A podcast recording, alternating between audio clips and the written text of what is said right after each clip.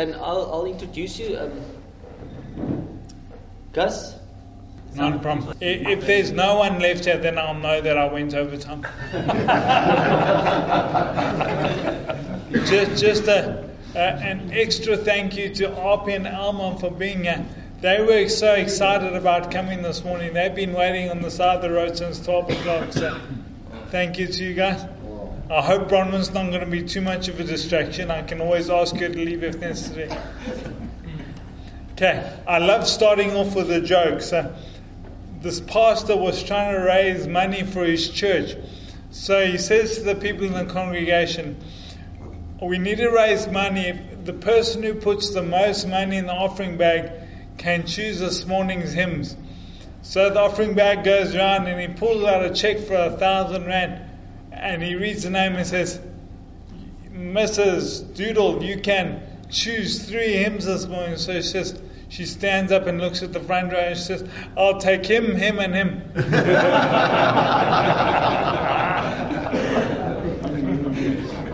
okay. The first nine months of my, of my existence were the best of all.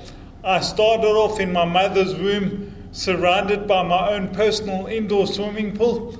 I was born on the 27th of March 1979, and it all went downhill from there. Basically, I was born a twinkle in my mother's eye, and that was the end of it. When I was born, my head was the shape of a rugby ball that way. Basically, what happened is the sutures inside my head didn't close when I went through the birth canal. They got wider and wider open. So basically, what happened is I looked like a hammerhead shark at one stage. The problem with this was I needed very severe surgery right from the time of birth to, to, to correct that. I, I spent the, the, the better part of the first five years of my life in hospital having surgery. After the age of five onwards, I was a typical hyperactive, hungry boy running around causing trouble like all five year old boys do. At about the age of 15, I started suffering from the most severe headaches. The headaches got so bad that I had to lie down wherever I was. They were so bad I couldn't even stand up anymore. And that lasted anything from a couple of hours to a couple of days. Uh, When I was 16 in my matric year at school, I, I went into hospital to have a, another operation. Basically, it was a very simple one. All they did is they, they drilled a hole inside my head and put a monitor on my brain. The, the process took three days. I was in ICU and I was awake during that time. On about the second or third day of the procedure, I called the doctor over and said, Doctor, I've really got the most incredible pain in my stomach. Thank you, sir. I've really got the most incredible pain in my stomach. And he, he didn't look at me, he just said, Oh, there's a bug going around. I had it this morning. And he gave me an injection. Later that day, when the procedure was over, I told the nurses I was going straight home, and they all laughed at me. They said, You don't go from ICU straight home, you have to go to the general ward. I don't know what happened, but I went straight home. I didn't. The food was so bad that I couldn't sit around there any longer. that night, I got up to go to the bathroom at about 3 a.m. and I collapsed in the bathroom. My mother came and, and got me, and I ended up in hospital again. Basically, what had happened is my appendix had ruptured. I needed to have it taken out immediately. Now, I've got to tell you, immediately in a doctor's language is about 12 to 15 hours later. After the surgery, the doctor told me I wouldn't be able to walk for at least a week. This was the time of my matric exams at school, not the finals, the prelim exam. And I really been working hard in maths and I wanted to see if I could get an A for my maths exam. So the next day after this major surgery, well not major surgery, after the surgery, I got on my bicycle and I cycled to my extra maths lesson. And while I was on my way, a car turned in front of me and cut me off. I pulled on brakes and went flying head into the car first. I thought the poor lady who did that was going to have a heart attack because here I am, I'm lying on the floor with my bicycle on top of me. My head is all bandaged up from having surgery. My waist is all bandaged up from having surgery, and she just didn't know what to do. Unfortunately for me, one of my best friends were there, and her and her mother put me in the car and took me home. I didn't write my maths exam. I missed about a term of school in my matric year. The really sad funny thing is, in the whole term in matric, I missed four written pages of notes in all six of my subjects. I don't know what they did at school that month. Life was good then after after surgery. I matriculated. I went to study at Varsity College. I studied a business computer degree. After that, I went to Bible college and I studied a BA in, in, in theology. While I was studying my second year of studies, I, I got a job as a youth pastor at Pinehurst Congregational Church. I don't know who was stupid enough to let me loose on their kids, but I had the greatest time ever. During that time, I, I used to run a lot. I loved running. I used to run between 5 and 10 kilometers a day. In fact, I, I used to run so well I could run 10 kilometers in 40 minutes. Once I'd finished my degree at, at Bible College, I went to Baptist Seminary to do my honors degree and to become a, a Baptist pastor. And once I, by the time I was finishing my honors degree, the Congregational Church came to me and said, We want you to leave because, well, you're going to be a qualified Baptist pastor at the end of the year, and this is a Congregational Church. We want a Congregational pastor. I, I, was so hurt and annoyed by that, I decided I was going to leave the ministry altogether. I was going to go to the United Kingdom and do some granny bashing. That's basically where you look after old people. I figured the money was good, so I'll go and do that for a year. As I was considering this, Hilton Baptist Church in Pietermaritzburg phoned me and, and called me for an interview. They wanted me as their associate pastor. The, the really funny thing is, at this stage, I had a, a girlfriend, and her parents offered to fly me up to them to come and meet them because things were getting serious with us. This was the same week that the church wanted to interview me, so I didn't know how we were going to work that out.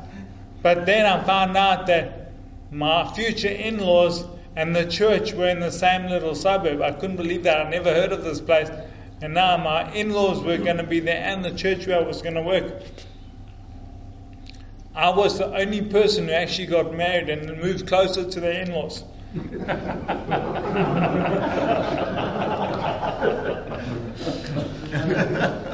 Unfortunately, my health started deteriorating again just before I got married and before I was moving to, to Hilton. And I, ended up in hospital. I was going to have an, another major operation. Basically, the neurosurgeon said he was going to cut a piece of my brain out to make an open channel for the fluid to, to drain out of my brain, out of my head into the rest of my body.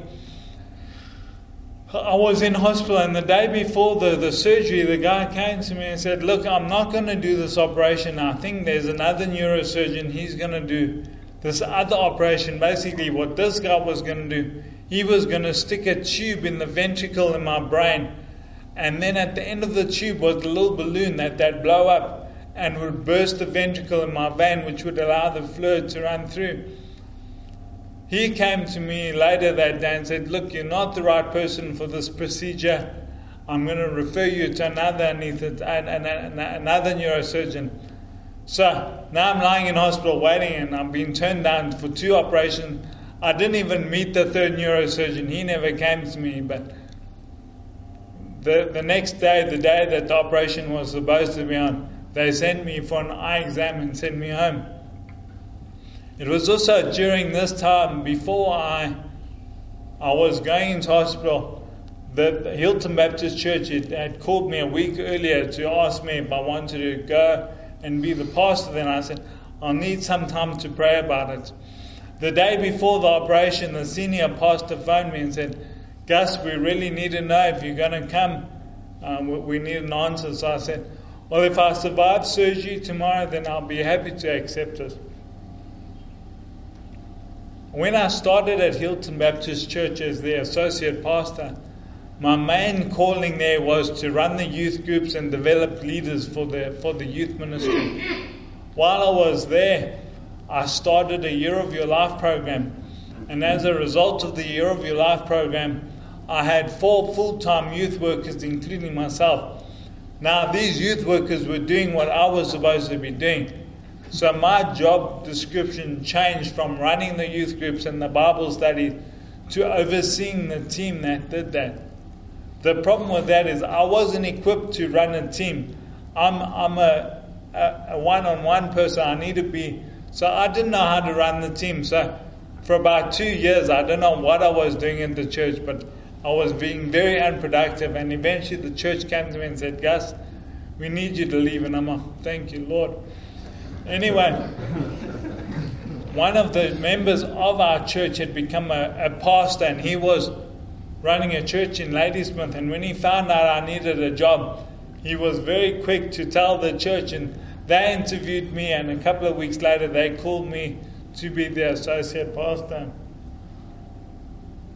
Unfortunately, it, but unfortunately, it wasn't long after that that my health started deteriorating again. At this stage, I was cycling between 150 and 200 kilometers a week going to gym at least five times a week. And my, my health started deteriorating to the point where I started losing the ability to walk. My wife had to literally put me on a, slump me over her shoulders and drag me from room to room. If I needed to go to the bathroom, she had to drag me to the bathroom. I, I couldn't walk anymore. I went to every doctor you could think of I don't know why I didn't just go straight to the neurosurgeon, but my GP eventually said, Gus, you, you need to go and see your neurosurgeon again. So I made an appointment with a neurosurgeon, drove 300 kilometers to, to, to meet him. He, he did an MRI scan and said straight away, you need an operation immediately.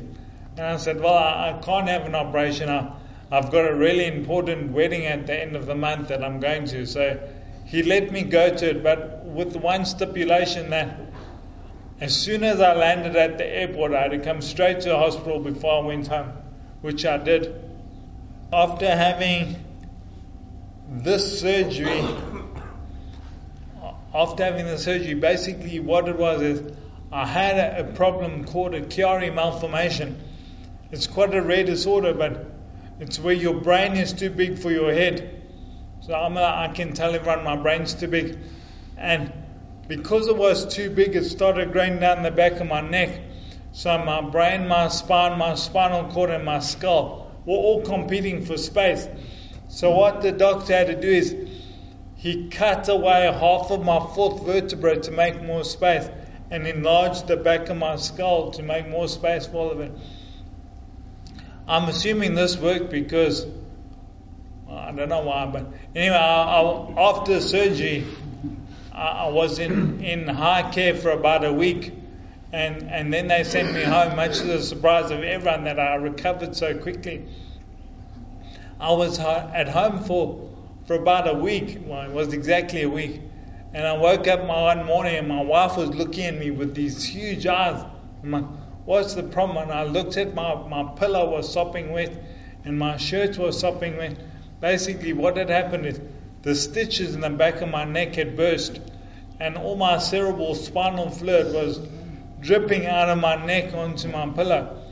So my wife rushed me to the hospital and the doctor said, We have to operate immediately. I didn't argue with him this time. I, I went straight in for surgery. After about three months, I was in hospital for about three months with that surgery. Um, I, I, got back to Ladysmith, and my senior pastor came and said, Gus, I don't want you to get involved in any ministry for a couple of months. I want you to get totally better first. It was so bad that he wouldn't even allow people from the church to come visit me. So I got really lonely and bored from that.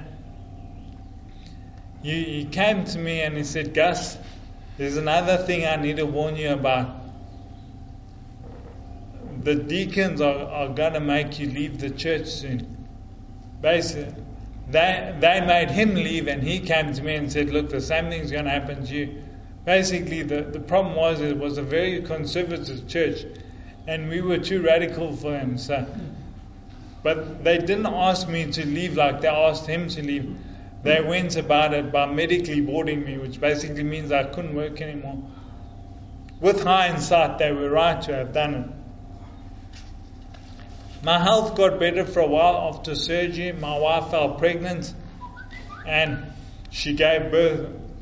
Before she gave birth to my first daughter, I was diagnosed with brain damage um, by, by two different doctors for two different reasons. And then, then my wife gave birth in December, and a friend of mine came to me and said, Gus, your wife is really battling to be a first time mother and to have a husband with brain damage. I want to suggest to you that you move back to Hilton for three months just to give her a chance to get used to being a mother. So I did that, and after three months, she, she said she wasn't ready to have me back. After 10 months, she told me she wanted a divorce. I still don't know why, but she divorced me. During that time, when I was living in Hilton, I got seriously depressed and, and very suicidal. There were at least eight occasions where I looked at my sleeping pills and I thought, I'll take a few extra of those tonight and, and there won't be any problem. But it was then that I did the hardest thing I ever had to do. Excuse me. Instead of taking those pills and committing suicide, I worshiped God. And those evenings ended in praise and worship instead of death. My health once again continued to decline even further. And I ended up living in a frail care centre in Hilton. Basically, I lived in a room that was about five meters by five meters, a very small room. And I was as I was in the frail care center, my health continued to decline, and I found myself having surgery again. At this stage, my health was declining, and I suffered from something called narcolepsy. That's basically where I'm talking to you like I'm talking now, and I just fall asleep. I remember once I was counseling one of the girls in my youth group about something really serious, and I just fell asleep on it. It was really bad. so I, I, ended up in hospital again uh, from because of this weakness and the lameness in my body, and they did surgery. Basically, they put a shunt in. That's that's a long straw from from my brain into my stomach to allow the fluid to to run through that way. But when I woke up from the surgery, I was totally lame in the left side of my body. Uh, I have no use on my leg and my arm, or, or very little use on my leg and my arm. Is that my cue to finish? No, no, no.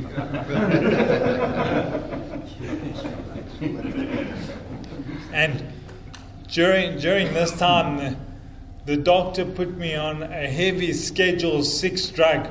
If you know anything, Schedule Six or Seven is the is the most powerful drugs you can get, and I was taking six of those a day to to keep me awake during the day, and then I had to take sleeping pills at night to help me sleep at night. There was a time when I was taking 34 tablets in the morning and 15 in the afternoon. It was like basically taking three handfuls of pills for breakfast.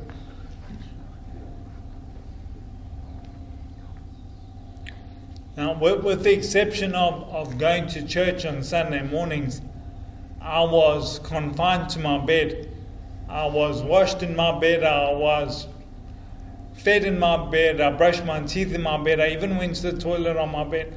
I was basically stuck in bed for, for six years. But I, I was very fortunate. I had two people that came to visit me at least on a weekly basis.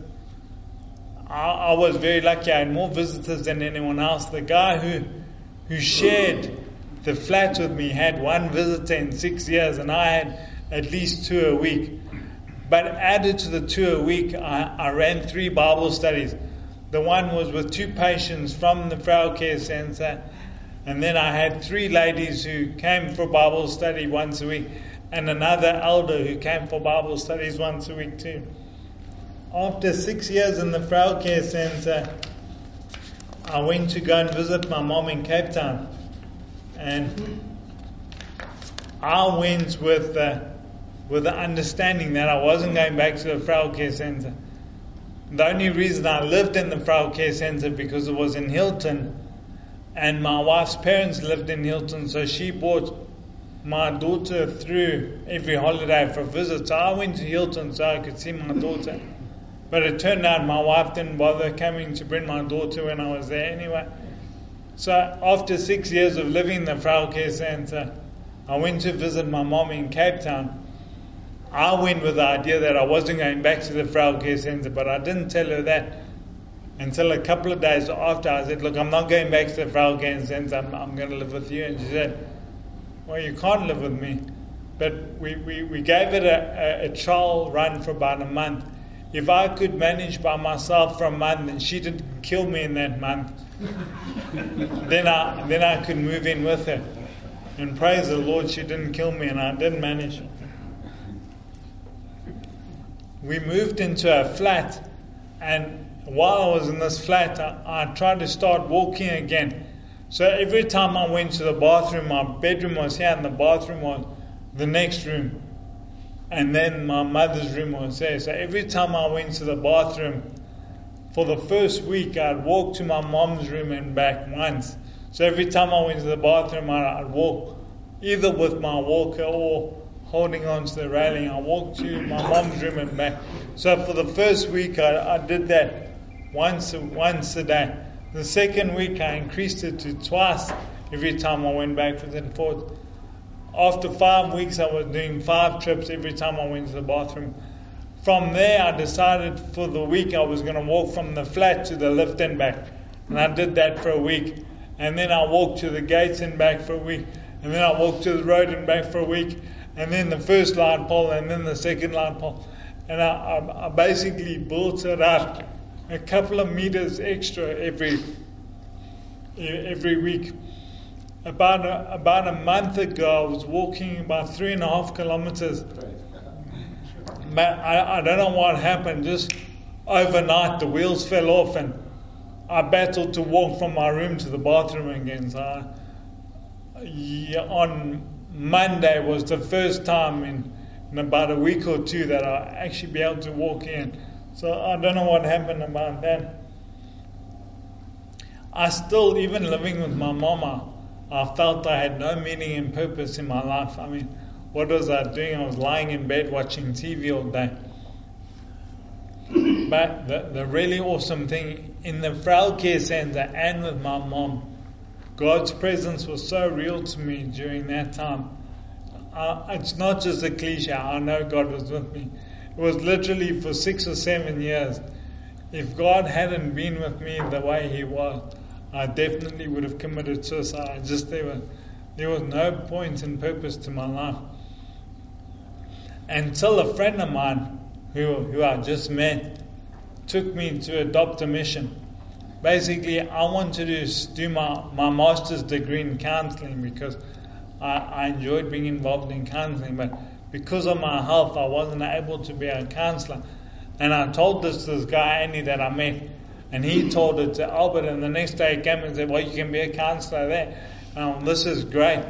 So I've been going to adopt a mission for about four months now. And I just, I feel like I've got meaning and purpose in life again. I just, I love those people so much. And the nice thing is, they love me back, which is quite amazing.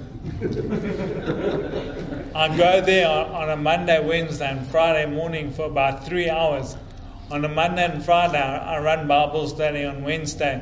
I have to listen to the other boring guy preach, but it's not so bad. and every time anyone says anything, Albert's got to explain it in his own words.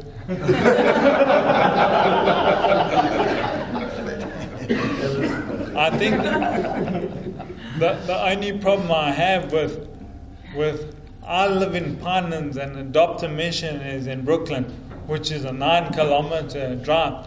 I don't have a car at the moment, so I'm really frustrated by the fact that I want to be involved in ministry on a full time basis and help people and be with people. One of my friends is now from Adopt a Mission went into hospital today to have surgery for cancer. I want to go to hospital and visit him. There are so many people that need help more than just what I can give them at the mission. I get so frustrated. I'm stuck at home with no transport to get there. I mean, I'll even, I'm trying to save up to buy myself a bicycle if I can cycle there. I just don't know if I can balance on a bicycle there.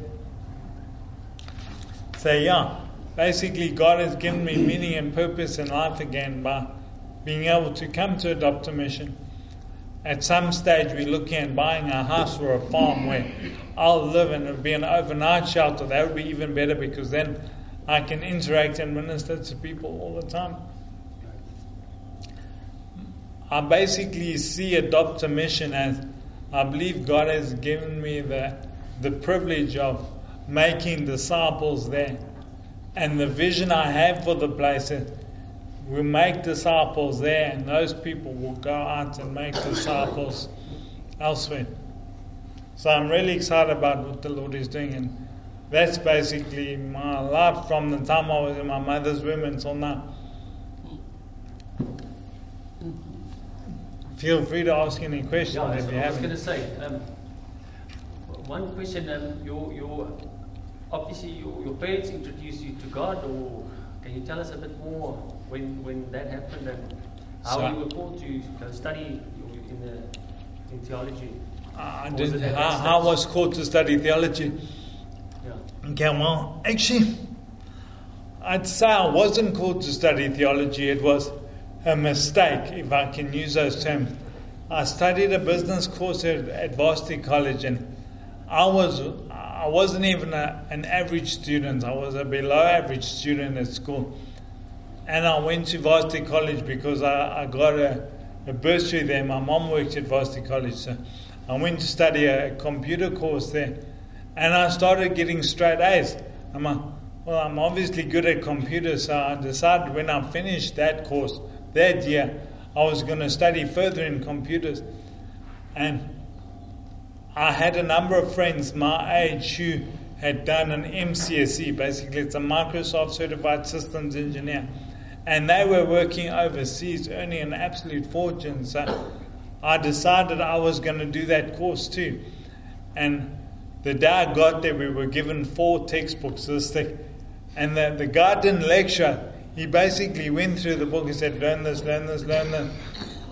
And after the first day there, I thought, I'm not going back there. I don't want to spend the rest of my life learning how far one computer has to be from another. There's got to be more.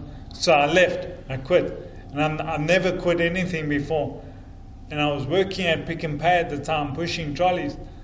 And my mom said, Well, you're just going to have to push trolleys for you. And I thought, No, please, anything but that.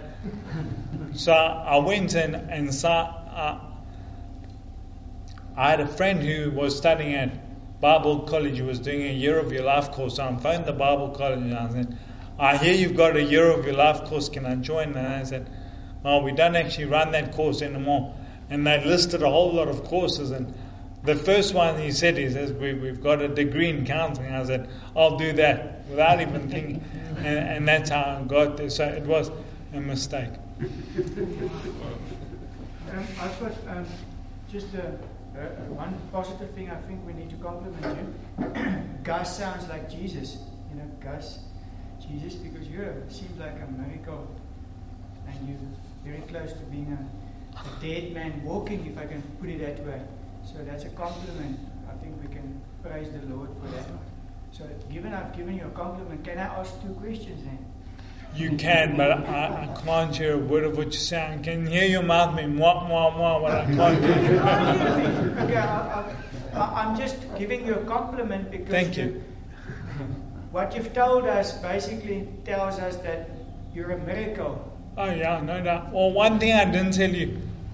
Eight years ago, I went to a doctor and he told me I had six months left to live.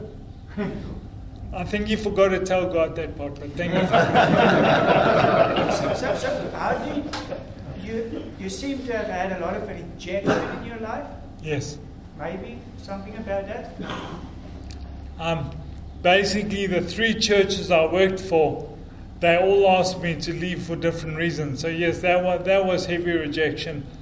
My wife divorced me. I, I still don't know why she refuses to tell me, but I guess I, I deal with it. I can only say by the grace of God. He's He's seriously comforted me through the whole thing. I, I don't know if I'm if I'm over. I don't know if you ever get over a divorce, but I don't know. God, God has been really good to me because they've been difficult to handle, but nothing has been overwhelmingly painful. So I, I can only give thanks to God for it. And yes, I am a miracle. It's just like I said, I'm literally I was meant to be dead eight years ago. They just forgot to inform God. Yes. You still see your, your daughter, got contact with her? I have seen my daughter for 60 hours in six years. Um, I phone her at least twice a week, and either my wife or her answer the phone about once every two months. So my daughter and I don't know each other. I was very fortunate. I paid for a plane ticket for my daughter to move from uh, to to come from Durban to Cape Town to see me during the school holidays, but for some reason my wife only allowed her to come for two days. So I don't know my daughter. I love her, but I don't know her, and uh, I've tried to keep up a relationship with her. But one thing I do do, I used to, when I was in the frail care center, I would write her a letter every day on my computer, and I saved that. So basically, I've been writing to her for four or five years, and I'm saving those all. And, and probably her 18th birthday, I'm going to print them all out and give her a file with all the letters. in. At least she'll know that I, I thought about her. I just want to say, Gus, uh, on behalf of all the people in Brooklyn at the Doctor Mission, you're one of the greatest ministers that God has ever sent there. Thank you. Appreciate it. Your, your love and your kindness to the people, it's amazing how your misfortune is used by God to bring forth so much beauty in the people that is there. You know, I wonder if, if, if uh, how much of how much of the lesson that you gave Bronwyn does she know? Does she know the whole of Matthew five? Um, Give her a challenge to say something. You know, Bronwyn is Bronwyn is. I won't tell you what I call her, but the thing is, this, so Bronwyn is is one of I call her boobs, man. Say it as it is, you know. So the thing is, this is Bronwyn is one of Gus's Bible study group ladies. I just to cry now. And the amazing work that God has done through Gus to these people, because I've given up on them, and I wanted to give them each a ticket to go to hell and get it over and done with, and just supply food and kindness. But the work that Gus has done there, the time that he's that he's been sent there, I ask everyone not to pray for him to be completely healed. Because if that's going to happen, then he's going to leave us. That seems selfish. but it's so difficult to find people that will reach out to those that no one else reaches. And uh, it's a bit selfish of me to keep Gus there for as long as possible. Because the work that you do and the work that God does through you is incredible. It's, it's a miracle. It's just a, just a massive miracle. Thank you. I don't know. Uh, you you know what? Uh, what really amazed me, uh, listening to you, um, your ministry. Uh, you know, I've, I've been uh, from the AFM church um, in Goodwood. Um, was a guy uh, named Nicky, uh, Life Atlas. And uh, when I listened to that guy, and and see how God uses a man without uh, arms limbs, life without limbs. And that, what you're doing now. is the greatest miracle from God. And you know, I, the thing that I cannot do. Okay, I, that's one thing I cannot do is to go out. I don't have the gut.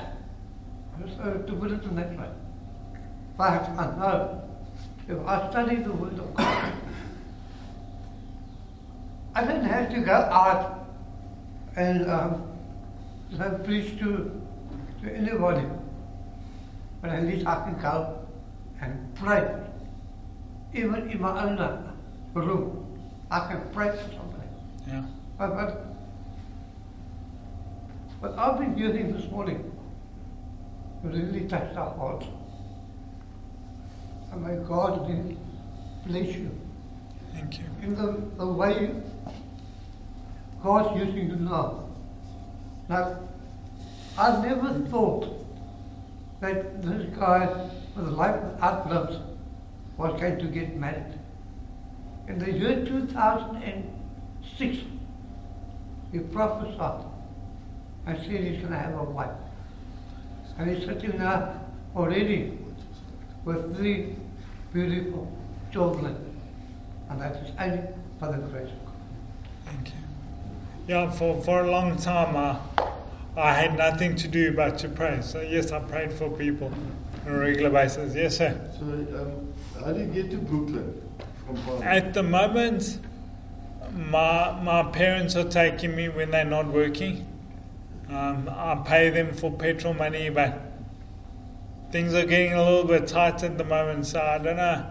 I, I increased the amount of money I was paying them from yesterday, but I, I want to I want to go on a more regular basis because these people there's so much more I could do if I could spend longer with them. The one thing that God's really laid on my heart is I want to start a, a center where they we can make crafts, either those things they make out of wire or fabric painting, where the people can come and do that, and then we go and sell it at flea markets and things like that. The problem is, is we don't have a venue at the moment, and even if we do have a venue, there's no ways I can get my parents to take me. So at the moment, I'm praying to ask God for a car. I believe I can drive. My mother thinks differently. But if you think about it, an automatic car, I only need my right foot and my right hand. So the fact that my left leg and left hand don't work, I can still drive an automatic car as far as I'm concerned. But I'm praying that God will give me a car when He thinks I'm ready to, to drive again. I, I, I work in finance and I see every morning the, the Dial-a-Ride drops people off in finance at my work, Uh-huh. at Mutual. Yeah. Maybe, mm, I don't know. I don't know how they work, but um, and for, for wheelchairs and that No. especially. They, they every morning in finance.